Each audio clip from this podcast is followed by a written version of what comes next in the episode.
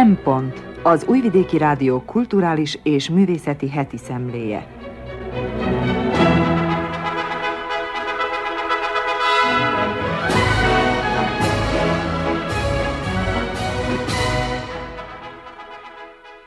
Jó napot kívánok, köszöntöm a Szempont hallgatóit, Madár Anikó vagyok, a mai adás szerkesztője.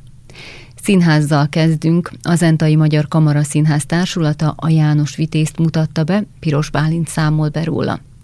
Itt lesz velünk Török Zoli, régi kedves barátunk az irodalomból, Jódan Rózsa ismerteti a második kötetet.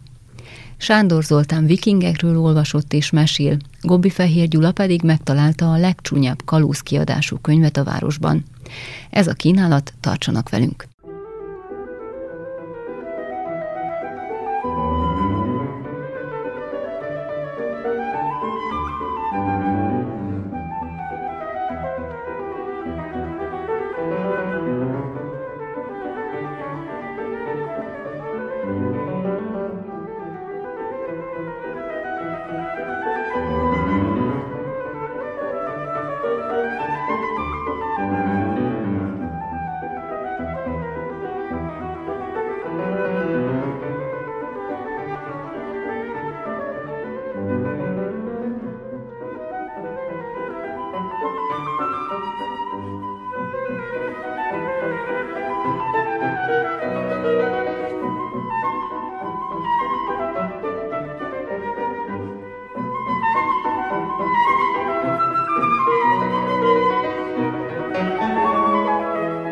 A Zentai Magyar Kamara Színház december 10-én mutatta be a János Vitéz című előadását.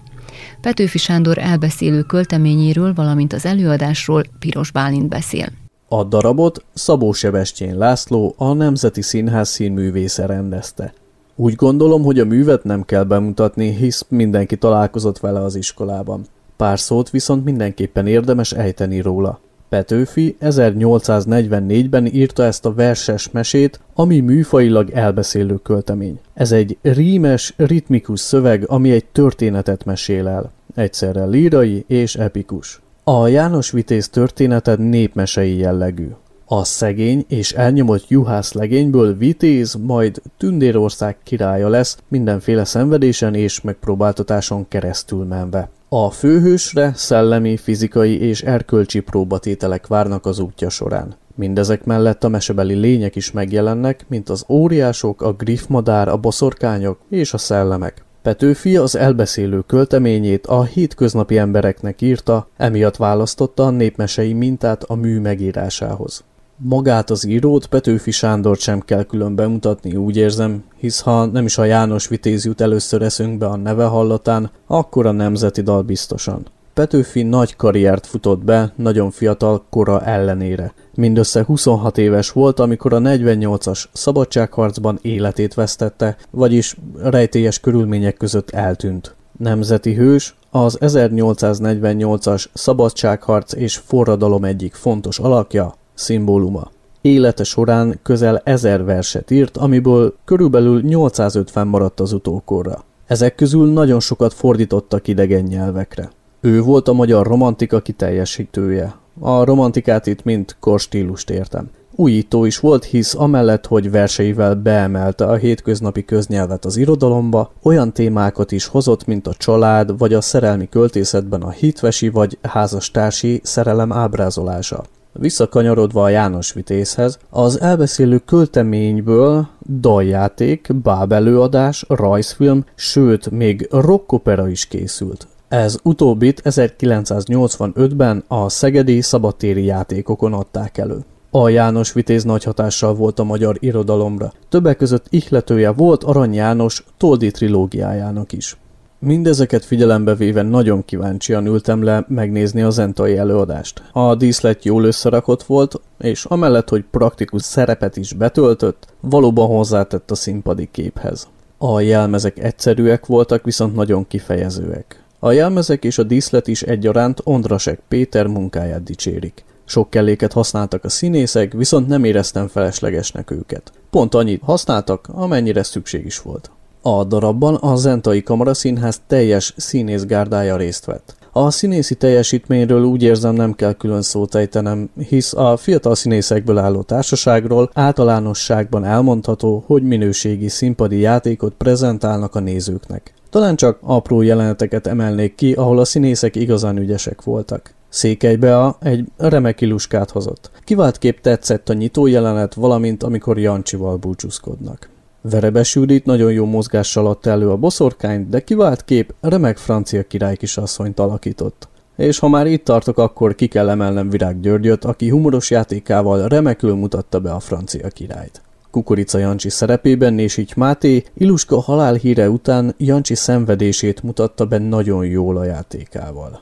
Szilágyi Áron maga is magára öltötte Jancsi szerepét, ahol remekül helyt is állt, akár csak haramiaként. Dévai Zoltán huszárként csillogtatta meg remek színészi játékát. Nagyon remek színpadi megoldásokat is tapasztalhattunk. Többek között a közönség feje felett elszálló gólyát vagy kelmét, amely ezzel bevonta a közönséget is, vagy inkább kiterjesztette magát a játékteret. Ugyanígy a bíró, aki a közönség közé menve kereste az elveszett kisbárányokat. Ezek nagyon remek ötletek, amivel interaktívá tették az előadást. Ugyanígy a katonák vándorlása, vagy Jancsi hajós utazása, amit néhány kellékkel, remek megvilágítással és fényjátékkal nagyon jól meg lehetett oldani. Külön kíváncsi voltam arra, hogy az óriásokat hogyan fogják megjeleníteni. Ezt szintén nagyon trükkösen árnyjátékkal sikerült megoldani. Ezek az ügyes kivitelezések egy remek sokszínűséget adtak a darabnak. Sőt, megmerem kockáztatni, hogy ezekkel még inkább meseszerűvé sikerült varázsolni az előadást.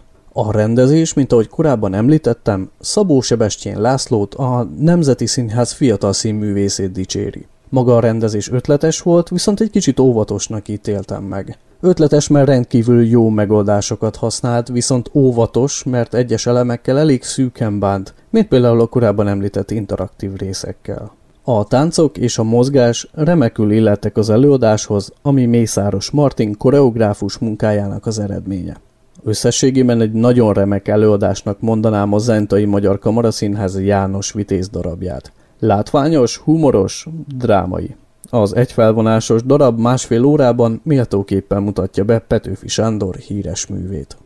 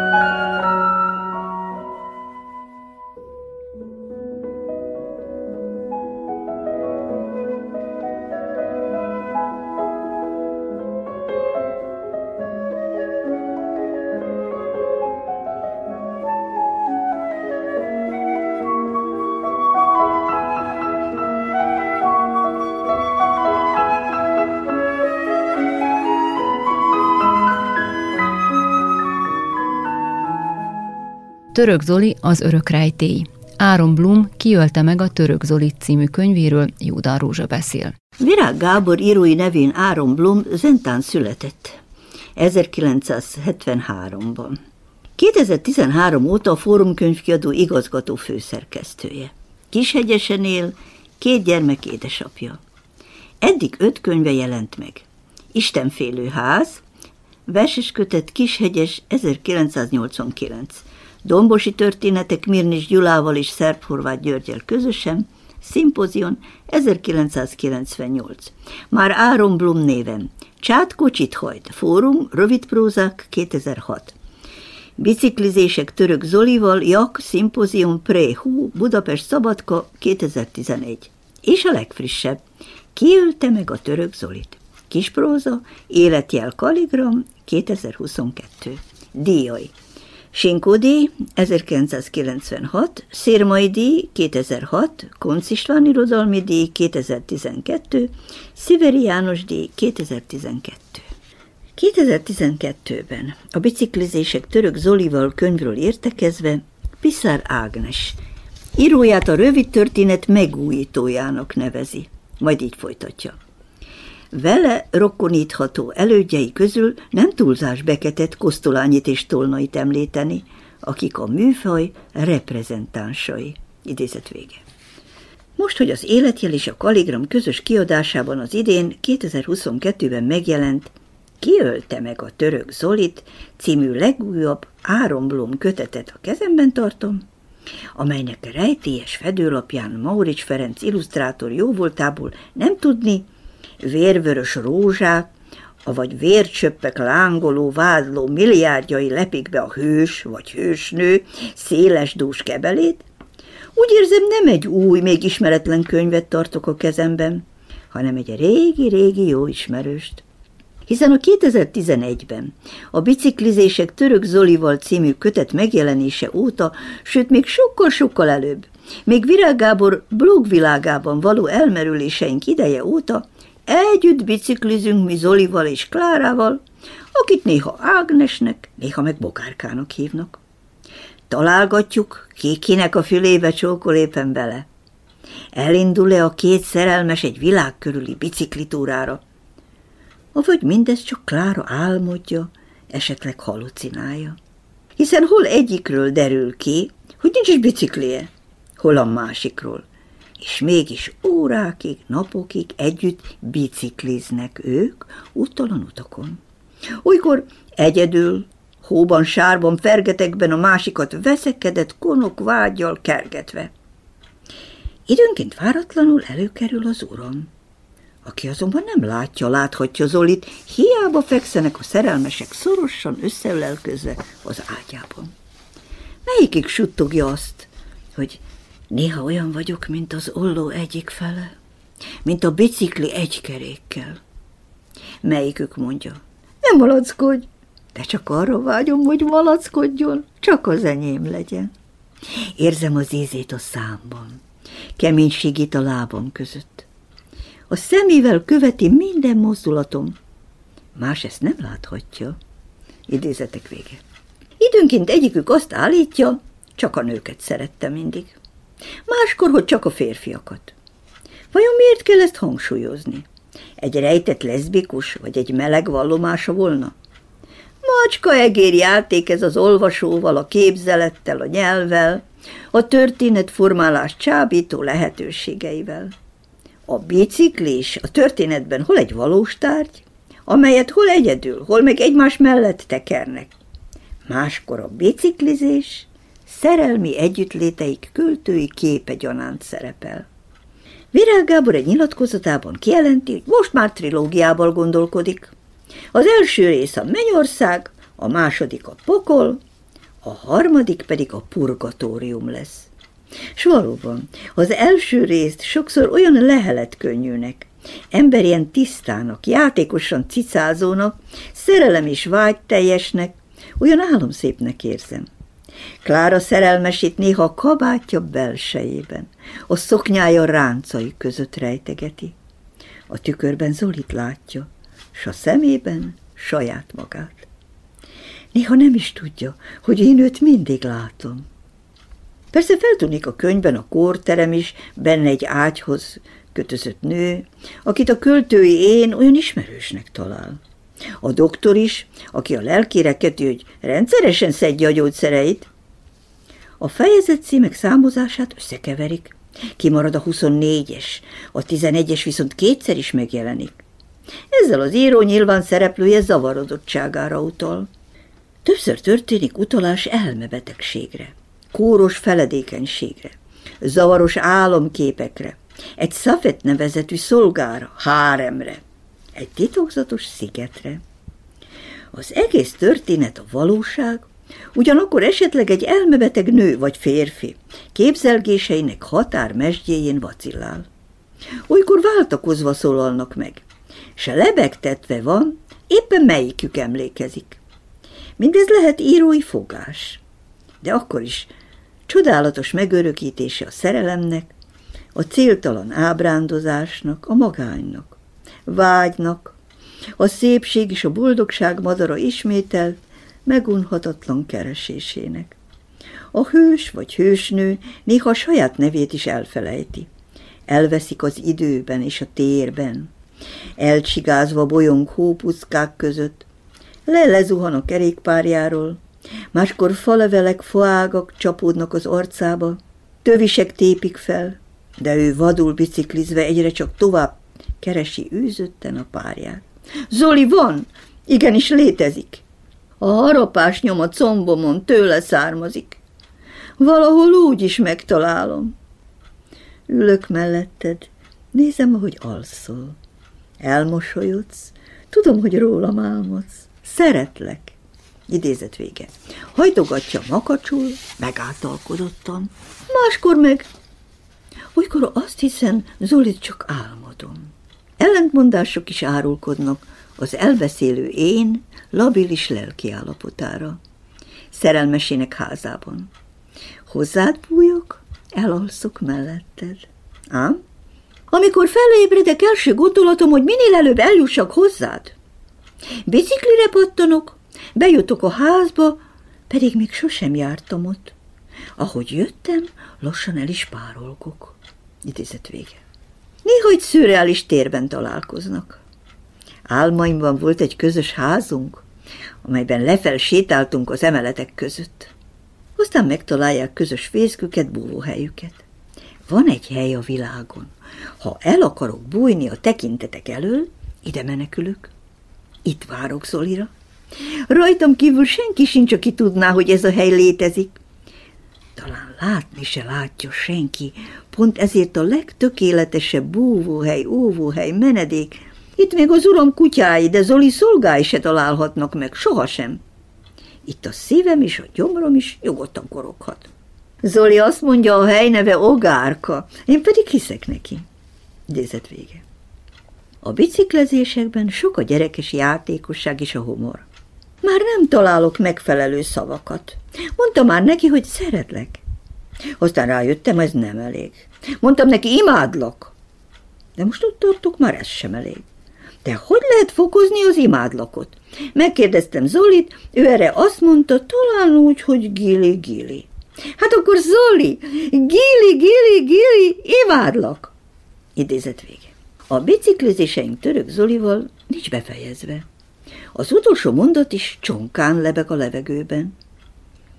És soha nem lesz. Az író nem tudta, vagy nem is akarta befejezni. Ma már érthető is, folytatni akarta. A kiölte meg a török szolit, a bizonyíték rá. És most felütöm a folytatást. Ha beharangozott poklot, s visszahőkölök. Mennyire megváltoztak a hősök, s körülöttük a világ. Ez lenne a ma, már az első lap cselekménye gyilkossággal indul. A szerelmesek egyike, aki a múltban órákig ült alvó párja mellett, fogta kezét, leste, mikor mosolyodik el álmában, kereste árkó bokronát törve zúzva magát, s azt szeretlek, imádlak, gili-gili. Most kifakadással kezdi. Ez a geci már megint itt van.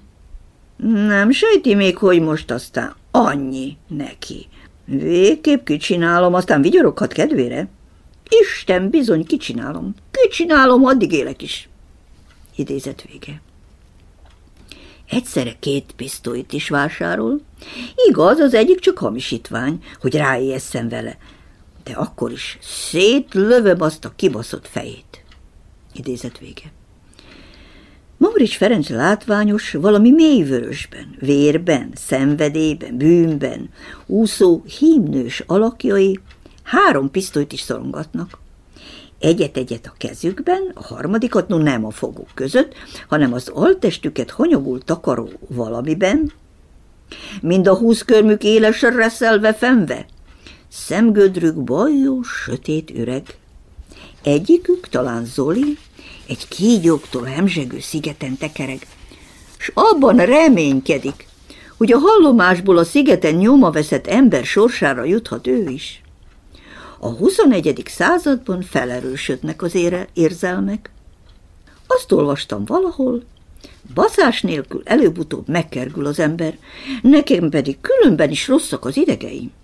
Sóhajt fel talán Klára Ágnes bogárka. Ez egy felpergetett világ, ahol az események is gyorsabban és kiszámíthatatlanabbul száguldanak. A hősök időnként szürreális helyzetbe kerülnek. Klára Zolitól 40 rózsát kap, amelyeket annak ellenére, hogy aznap hatalmas hó esett, azonnal el kell ültetnie, hogy tavaszra megfoganjanak, ső, csak ás, izzadva ásogad, és közben úgy érzi, a szavai és a tettei is bepiszkolódnak. Elmegy a templomba, hogy mielőtt meghúzza a ravaszt, meggyónhasson. Utána a parkban leül egy padra, s egy döglött varjú vére az ünneplő ruhájára fröccsen. Baljós jel. Az elbeszélő kifogyhatatlan az ötletekből. Amikor hazaértem, tudatosult bennem, hogy két török Zoli van. Már pedig, ha van kettő, lehet, hogy van három, négy, öt is, ki tudja mennyi. S ha van belőle több, hogyan lehetek majd biztos abban, hogy a jó török Zoli töltem meg? Idézet vége. Mivel a hős vagy hősnő tökéletes bűntényt szeretne elkövetni, a legmodernebb technikai lehetőségeket tanulmányozza át. Hónapokon át tanulmányoztam a fegyvereket, térképeket nézegettem, a Google Maps-en kifigyeltem minden apró részletet. A Street View alkalmazásnak köszönhetően kidolgoztam a lehetséges menekülési útvonalakat. Napokig néztem a térfigyelő kamerák felvételeit, órákat vettem rejtőzködésből, hipnózisból, a végén még a szomszéd hodzsához is átjártam, hogy kitanuljam tőle az ördögűzés mesterségét. Idézet vége. Igazi modern nyomozást folytat. Átböngészi a netet, feltöri jövendő áldozat a Facebook profilját, átnézi az e-mailjeit. A történet folyamán számtalanszor elsüti a pisztolyát. De utána hiába akarja a folyóba dobni, semmi sincs a kezében. No meg, mint a rajzfilmekben, a hős úgy is ismét életre kell. Csupa ötlet, humorot, csavar, játékos hihetetlenség, és mindenütt jelen vannak mai életünk elmaradhatatlan tartozékai. A migránsok, a felhőkarcolók, technikai segédeszközök, stb. stb.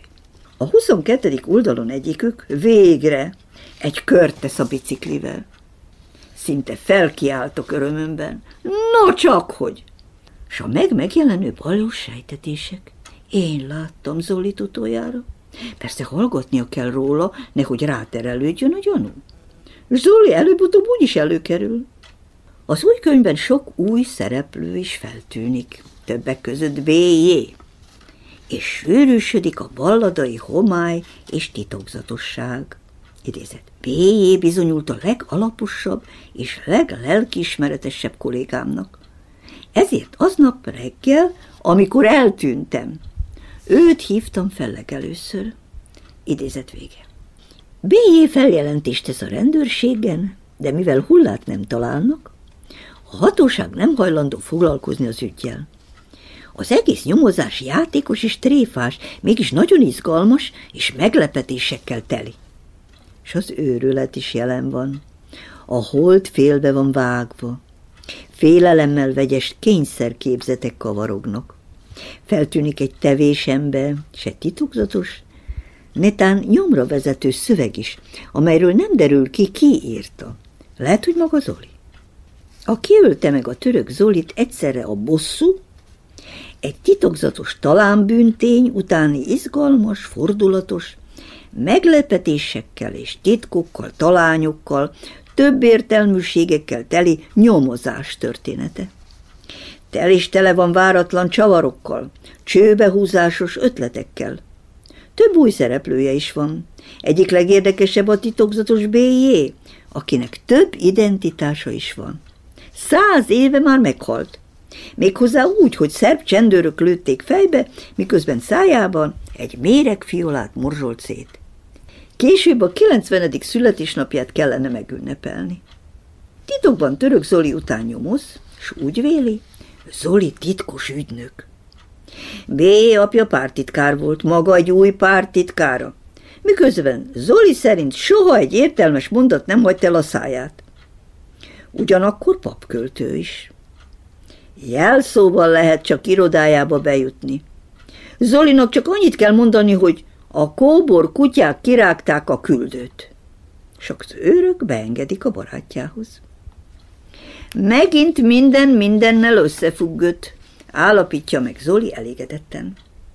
Létezett egy terv, akár egy bejelentett gyilkosság, s ő valójában nem krónikát olvas, hanem feljegyzéseket egy megbomlott agyú gyilkos naplójából. Visszament a profilomra. Ellenőrizni akart még valamit, de egymás után tűntek el az adatok, a képek, a bejegyzések. Ő volt az, aki utoljára láthatta őket. Törlődött lassan minden, a szeme előtt szüntem meg létezni. Csak egy festmény maradt utánom, egy felirattal. Nem az idő halad, mi változunk. Idézet vége. Csodálatos, kiszámíthatatlanak láttatott, pontosan kiszámított mesteri kavargás az egész. Identitásváltásokkal, személyiség megsokszorisításokkal és famózus eltűnésekkel. Titkos, bonyolult stratégiákkal, vad nyomozással, elhangzott, mégsem bizonyított furcsa lövésekkel, amelyben szar az élet, tök az adó, lesz még ad a török falu. Idézet vége. Játék és képzelet, jól megfigyelt, megbírált valóság, és lazúros, többszörös tükröződésű misztikum. Akadnak benne festői, lérikus nyugvópontok, leírások is. Klára Ágnes Bogárka visszaemlékezéseiből idézet. Én viszont visszarepültem a völgybe, hagytad, hogy megöljeljelek újra. A völgyet lassan elöntötte a víz, először csak a bokánkig ért, majd víz alá került a tértünk, a hasunk, a mellünk, a fejünk. A hajad lebegni kezdett az ég felé, de nem mozdultunk egy tapotat sem. Itt már sohasem leszünk, mondtad. A fák sugdolózni kezdtek, mi pedig szép lassan összeolvadtunk a hullámokkal. Idézet vége. Bencsi korsolya a fülszövegben többek között ezt írja. Áron Blum nem angyal, mégis bugdácsol. Összekeveri a nemeket, az identitásokat. Sokat tud a szerelemről, a vágyról, a túlsó partról, a szerelem betegéről és a hiányról, a könnyekről, Csád Gézáról és a menekülésről. Arról, hogy az irodalom utazás, kaland, játék, ahol soha senki nem veszíthet. Oázis, ahova hatalom emberei nem férkőzhetnek be. Nem téphetik fogóval a nyelvünk. Örömmunkára szólít fel, nyomozásra nyelvben, a történetben, az irracionalitásban, a műfajok, a vendégszövegek, a motivumok és a bűnjelek között. Mennyi török Zoli, mennyi szemfényvesztés, mennyi misztikum, mennyi párhuzamos, mégis érintkező univerzum. Lebegünk az időben és a térben, s fejest ugrunk az ismerősbe, mint ismeretlenbe. Áron Blum új könyve megigéz, birizgál, nem csak a bőr, a csontok, hanem a lélek legmélyebb rétegeibe is behatol. Megnyílik és megnyit. Megmutatkozik és elrejt. Vágypróza a zónából. Idézet vége. Török Zoli tehát megint köztünk van. Otthonosan, csúfondárosan, ránk kacsingatva forgulódik a maga jól ismert, belakott, s az általunk már megszeretett Harun al-Rasidos meseközegben. Lefotózza nekünk a maga képzelt rejtvényekkel, találós kérdésekkel és titokzatos sötét jóslatokkal, színjátszó, szivárlányló, talányos röbdösésekkel teli poklát bűvészmutatványokkal, kártyalapokként teríti ki előttünk a maga sokféle, sokfelé mutató világát és talányos jövőképét, miközben bejelenti. Hamarosan ismét találkozunk a purgatóriumban. És közben önmaga a világunkról és az emberekről sokat tudó, és empatikusan megérző, sokszínű, mégis megfoghatatlan, képlékeny lelkim mély rétegeit is fel-felcsillantja. Várunk, Zoli, várunk. Maurics Ferenc különös, genderes többneműségében, szenvedő, összekuszálódott madzagokon rángatott, lógatott, sebzett, önmagát hol kacéron kitakaró, hol rejtegetni igyekvő, titokzatos mély tartalmakról regélő marionett figuráival együtt.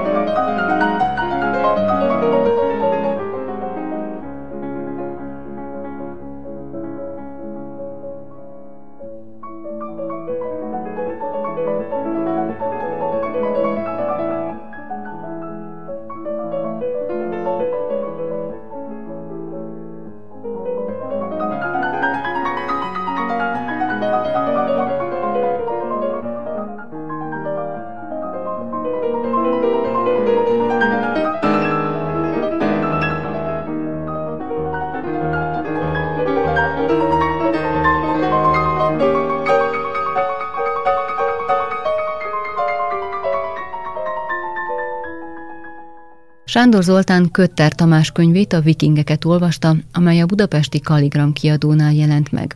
Férfiak békeidőben. A nyugati kultúrkör anyagi jólétre és testi szépségre épülő fogyasztói társadalma valódi fétisként kezeli a fiatalságot, amiben az utóbbi évtizedek során hathatós támogatásra lelt az egészségiparban, a szépségápolásban, a plastikai sebészetben, az edzőtermekben, a divatban és még számos egyéb társadalmi és kulturális jelenségben.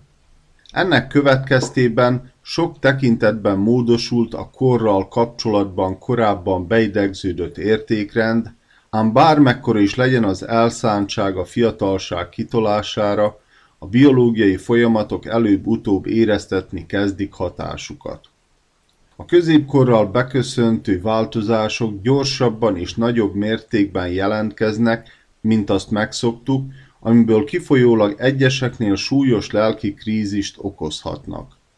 Az önértékelésre, viselkedésre és kedélyállapotra egyaránt nyomást gyakorló jelenséget életközépi válságnak hívjuk. Erre az életkorra már a legtöbb fontos döntést meghoztuk az életünkben. Pályát választottunk, és azon a pályán már megtettünk egy utat, a gyerekek felnőttek, a jelzálog kölcsönt visszafizettük, megjelennek az idő múlásának első jelei, a fizikai hanyatlással és az élet végességével való szembesülés pedig összegzésre ösztönöz bennünket. Ez az életszakasz tulajdonképpen a visszapillantásról és az átértékelésről szól. Felébred bennünk a múltban elkövetett hibák kiavítására irányuló késztetés, megpróbáljuk újraélni ifjúságunkat, elgyászoljuk szertefoszlott illúzióinkat, s helyette újakat kezdünk kergetni, most vagy soha jelmondattal vetve bele magunkat az élet habzsolásába, azzal a céllal, hogy bepótoljuk azt, amit annak idején kihagytunk. Az elmondott vágyak, álmok és ábrándok hajtják Kötter Tamás Vikingek című regényének két középkorú férfi főhősét is. A Férfiak fegyverben című háborús novellákat tartalmazó műve után a szerző tehát egy újabb férfi kötettel jelentkezett. Igaz, a második világháború poklában vergődni kényszerülő hősökkel ellentétben most teljesen másféle férfias hőstettekről ír. A Vikingek című filmsorozat lelkes rajongói a TV-szériában ábrázolt férfias értékrend kései követői az üzleti életben, meetingek és csapatépítő tréningek világában gyakorolják a háború művészetét, minden tőlük telhetőt beleadva, hogy párkapcsolati válságukat orvosolandó és kalandvágyukat kielégítendő munkahelyük mellett a szexuális vágy éltette bárokban is kellőképpen helyt álljanak. Foglalkozásukat tekintve Mátrai Dezső ügyvéd egy tanácsadó cég jogi osztályán, míg szomszédja Lang Christian HR igazgatóként dolgozik egy búvárszivattyúkat gyártó cégnél. Mindketten családostól költöznek Budapestről Diósdra, itt ismerkednek meg és kerülnek közel egymáshoz. Bár a regény egy közös kiruccanásukkal indít, és a szomszédok útja a későbbiekben is többféle módon keresztezi egymást, a folytatásban a mű többnyire külön-külön ábrázolja a két hős élettörténetét. Felellevenedik a ma már rendezett körülmények között élő, a munkaterén sikeresnek mondható férfiak múltja és jelene, elsősorban szerelmi és szexuális élete, alátámasztva azt a pszichológiai meglátást, miszerint mindannyian a rendből a rendezetlenségbe, a rendezetlenségből a rendbe vágyunk. A regény mindvégig a közéleti állapotokra is reflektál, érzékeltetve, hogy annak ténye, hogy éppen melyik politikai erő gyakorolja a hatalmat, hogyan befolyásolja egyes cégek üzletelését, és mi módon hat ki az egyéni karrierek alakulására, az aktuális hatalmat bíráló művészi produkciók leírása által pedig tükrözi a közhangulatot. A felidézett múlt révén a rendszerváltás és a 90-es évek is felsejlenek a regény lapjain. Elhangzik, hogy az átmeneti kor sok esetben meglehetősen laza és gyakran hézagos szabályok szerint működött, virágzott a szervezett bűnözés, amely szoros kapcsolatban állt a nagypolitikával, aminek folytán könnyedén lehetett kaszálni a zavarosban. Az express vonal sebességével amerikanizálódó országban lezajló folyamatok sokakat megérintettek és vad versengésre késztettek. Bizarr társaságok által, mint amilyen a regényben feltűnő űrtestvérek névre hallgató UFO hívek közössége, pénzmosóhelyek és adóelkerülő paradicsomok jöttek létre, amelyekben a deklarált célkitűzés helyett ténylegesen a pénzről, a hatalomról és a szexről szólt minden. Sokan egymást taposva és könyökölve másztak fel a vállalati ranglétrán, vagy minden erejükkel azon voltak, hogy minél nagyobb szeletet hasítsanak ki az állami vagyonból. Köztük dr. Mátrai Csaba, Dezső édesapja is, aki sikeres jogászként és a régi rezsim benfenteseként a rendszerváltás után is fontos fogaskerék maradt. Újbóli egymásra találásuk után a dörzsölt ügyvéd számos atyai jótanáccsal látja el fiát, mit kell tennie, ha cégen belül szakmai előrelépést akar elérni. Kötter Tamás az úgynevezett önmegvalósított, multiknál vezetői pozícióban dolgozó réteg világát ragadja meg – meglehetősen hitelesen, szelíd malíciával párosuló megvetéssel viszonyulva az adott közekhez.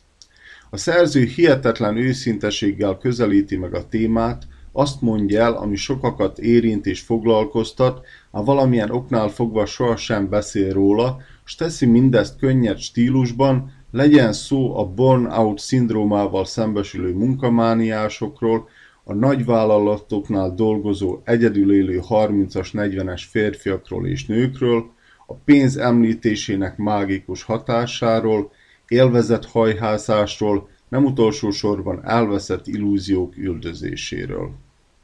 Hasonló hangnemben íródtak a regény lapjain feltűnő sommás megállapítások zenéről, divatról, életideálokról, pszichológusokról, közösségi helyzetről, az ezotéria iránt megnőtt társadalmi érdeklődésről, multikról, gyúró pasikról, menő üzletemberekről, fiatal nőcskékről, életvezető tanácsadókról és hasonlókról, amelyek a legtöbbször a magazinok olvasmányos nyelvezetét idézik. Az összetett struktúrájú mű fontos elemét képezik továbbá a hősök pszichológusuknak mondott vallomásai, kár azonban, hogy a szerző nem bízik egy kicsit jobban az olvasóban, és sok mindent elárul, pillanatokra didaktikussá téve az olvasmányt. Emellett a regény egyes fejezeteiben kissé megbillen az egyensúly a cselekményvezetés és a leíró elmélkedés között és ilyenkor némely hosszabb lélegzetű részek túlzás nélkül a korszellemről szóló esszéként is felfoghatók. A mindentudó narrátor összegző értekezést ír korunkról és a jelenlegi társadalmi állapotokhoz vezető közelmúltbéli eseményekről, amihez a két hős életének az ecsetelése illusztrációként szolgál. A regény felépítése kapcsán érdemes kitérni Mátrai Dezső karakterfejlődésére, ami némileg előkészületlennek hat, hiszen a félénk fiúból és férjből zavarba ejtő gyorsasággal lesz öntörvényű nagyfőnök. Persze, megtörténhet, hogy a szerző éppen azt akarta érzékeltetni, hogy a hatalom milyen elképesztő módon képes teljes mértékben megváltoztatni az embert, pontosabban fogalmazva kihozni belőle a valódi természetét. Bárhogyan is legyen, ha létezik a lányregénnyel ellentétes műfaj, akkor a vikingek abba tartozik. Valódi férfi hőseposz némi, keserű utóízzel. thank you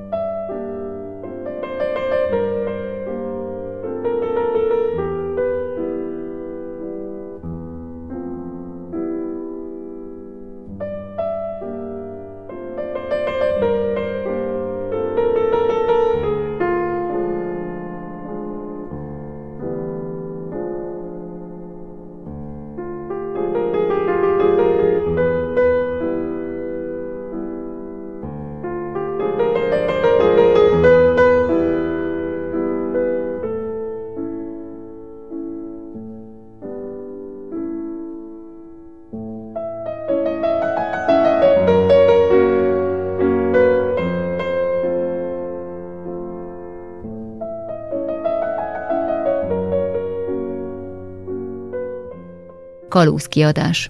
Gobbi Fehér Gyula olvassa feljegyzetét. A legcsúnyább kalózkiadású könyvet a Limáni piacon láttam. Svetislav Basara szerbíró a Merénylet angyala című regénye volt az. A szöveg a belgrádi Laguna kiadásában 2015-ben jelent meg Belgrádban. Eredeti címe Angio Attentata volt, és ehhez a címhez az író némi cinizmussal hozzáfűzte, hogy tabloid. Nos, ezt a könyvet az a bácsi, aki a piac sarkán könyveket árul, valamilyen ismeretlen okokból egy otthon sokszorosított változatban kínálta a vevőknek. Azért mondom, hogy ismeretlen okokból, mert a, az eredeti kiadás sem volt drága, hogy ezt miért kellett még olcsóbb változatban kínálni, azt az én értelmem nem volt képes felfogni. De hát több dolgok vannak egenes földön, Horáció, mint sem értelmetek azt felfogni képes, mondta egykor Hamlet. És életünk folyamán megtanultuk, hogy igaza van. A kalóz kiadású művek közül ettől olcsóbbat csak a betonhíd melletti zsibvásáron találtam, ahol egy másik bácsi, aki nem könyvekből, hanem a filmekből élt, apró kazettákat árul, és bizalmasan azt súgja minden vásárlónak vagy érdeklődőnek, hogy vannak szexfilmjei is, sőt rendelésre készít minden ismert filmből olcsó másolatot, csak tessék szabadon szólni neki. Egyiküknek sem mertem szólni, hogy amit cselekszenek, az bizony törvénytelen. Nálunk is, akár csak a világ bármely törvénytisztelő országában, szigorú szabályok korlátozzák a szerzői jogok megsértésének lehetőségét. És a törvény iránti tiszteletlenség megtorlást von maga után, mondhatnám büntetéseket. A tiszteletlenség ugyanis azt a magatartást jelöli, amely megveti, sőt, mondhatnám esetleg utálja a hatályos jogi rendet. Ez a tiszteletlenség arra sarkalja a polgárokat, hogy amikor csak lehet, hágják át a törvényt, és ne törődjenek a fennálló rend szabályaival. Ez nem csupán nálunk történik szinte rendszerszerűen, tömegesen és korlátlanul, hanem a világ legtöbb, mondjuk a legpolgáribb és legrendezettebb államaiban is. Az emberek így fejezik ki a fennálló rend iránti megvetésüket, vagy mondjuk enyhébben bizalmatlanságukat. Nekem úgy tűnik sokat, csak időtöltésként szegik meg a törvényt. És ha ez túl gyakran történik, akkor azt lehet mondani, hogy a tiszteletlenség abból a véleményből indul ki, olyan hatalom alkotja a törvényeket, amelyet kizárólag saját érdekei vezetnek. Azt hiszem a polgárok egyöntető véleménye, hogy ezeket a szabályokat mind az önös érdekek, vagy mondjuk néha a csoport érdekek súlya terheli. Márpedig, ha ez így van, akkor az átlagpolgárt, mondjuk a közönséges embereket, ez tulajdonképpen valamiképpen felmenti a törvény betartása alól. Persze a nagy többség azért tiszteli a törvényt, mert fél. Fél a büntetéstől. Lesújt rá a törvény szigora, ezt szokták mondani.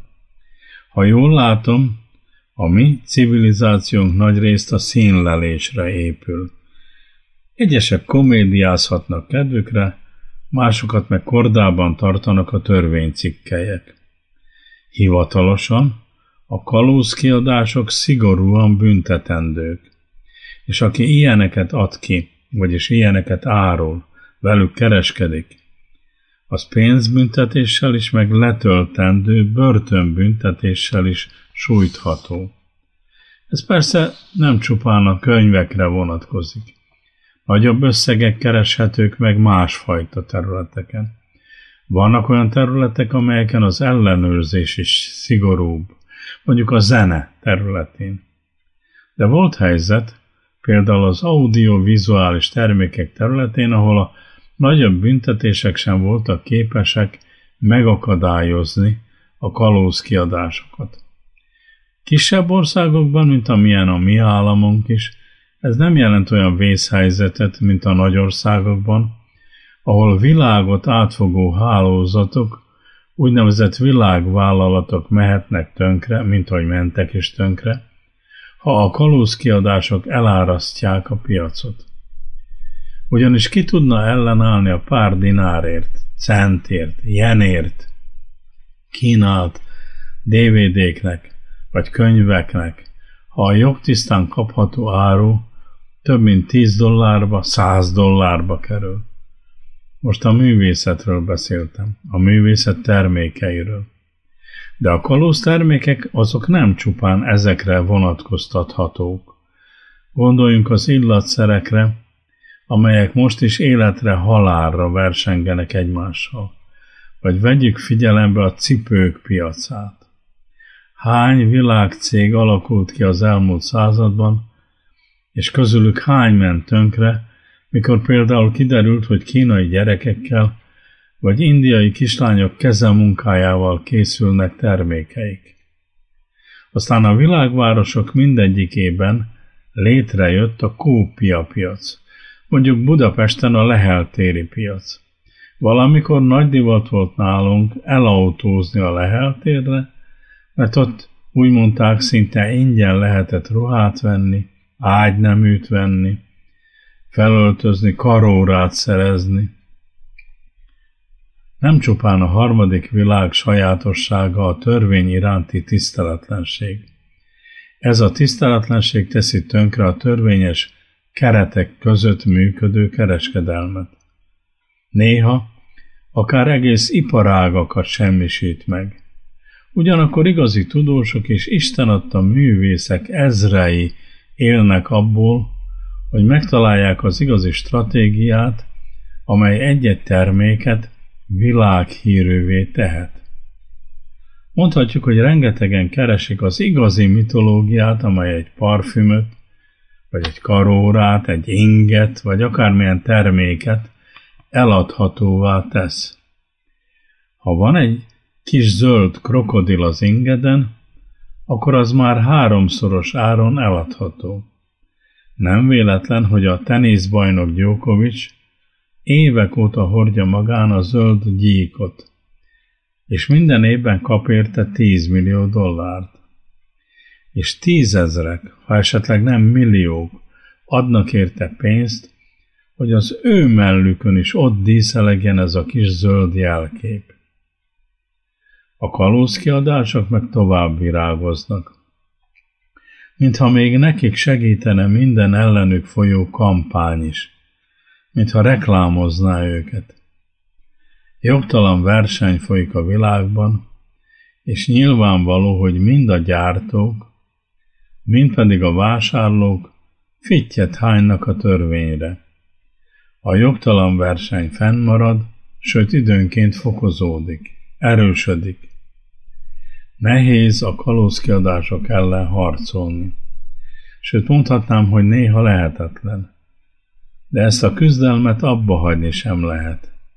Minden állam a maga keretein belül küzd a jogok érvényesüléséért. A kalózkiadások meg saját fennmaradásukért harcolnak.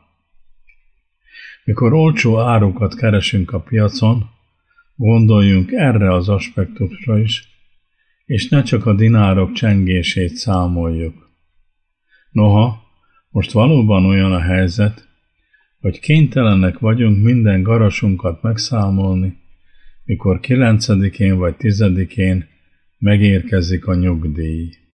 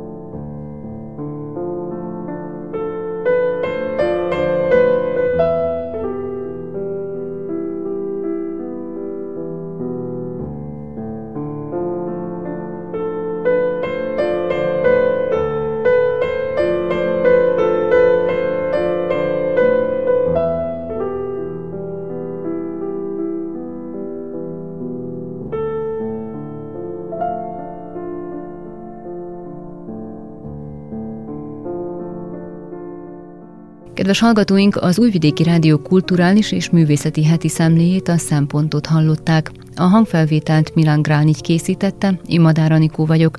A munkatársak nevében is köszönöm a figyelmet. A műsort meghallgathatják a www.rtv.rs.hu honlapon, újabb adással pedig egy hét múlva jelentkezünk.